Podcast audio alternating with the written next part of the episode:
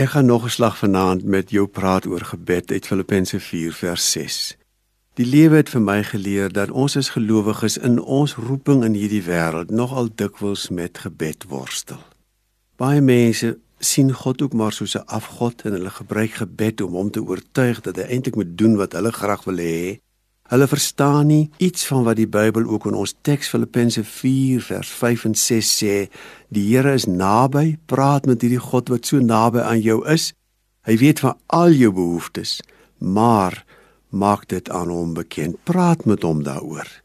En ons teks gebruik drie woorde daarvoor: gebed, smeking en danksegging.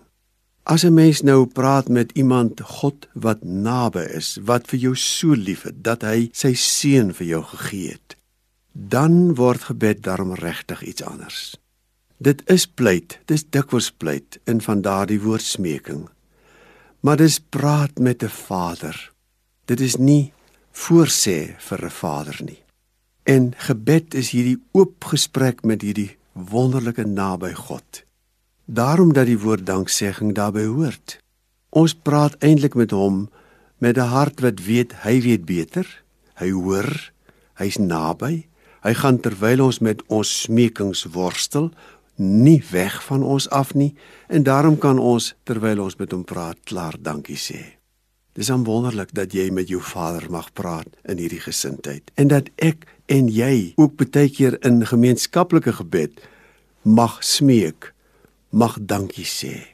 Ek gaan dit saam met jou doen.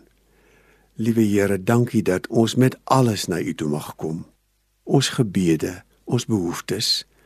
Ons pleit by U vir behoeftes wat soms so swaar is om te hanteer, siekte of spanning, die bekommernis oor 'n kind. Dankie dat ons mag bid en smeek en ook dankie sê, want U is by ons. U weet van ons behoeftes. Ons vertrou U ook in hierdie gesindheid vir vannag met danksegging. Amen.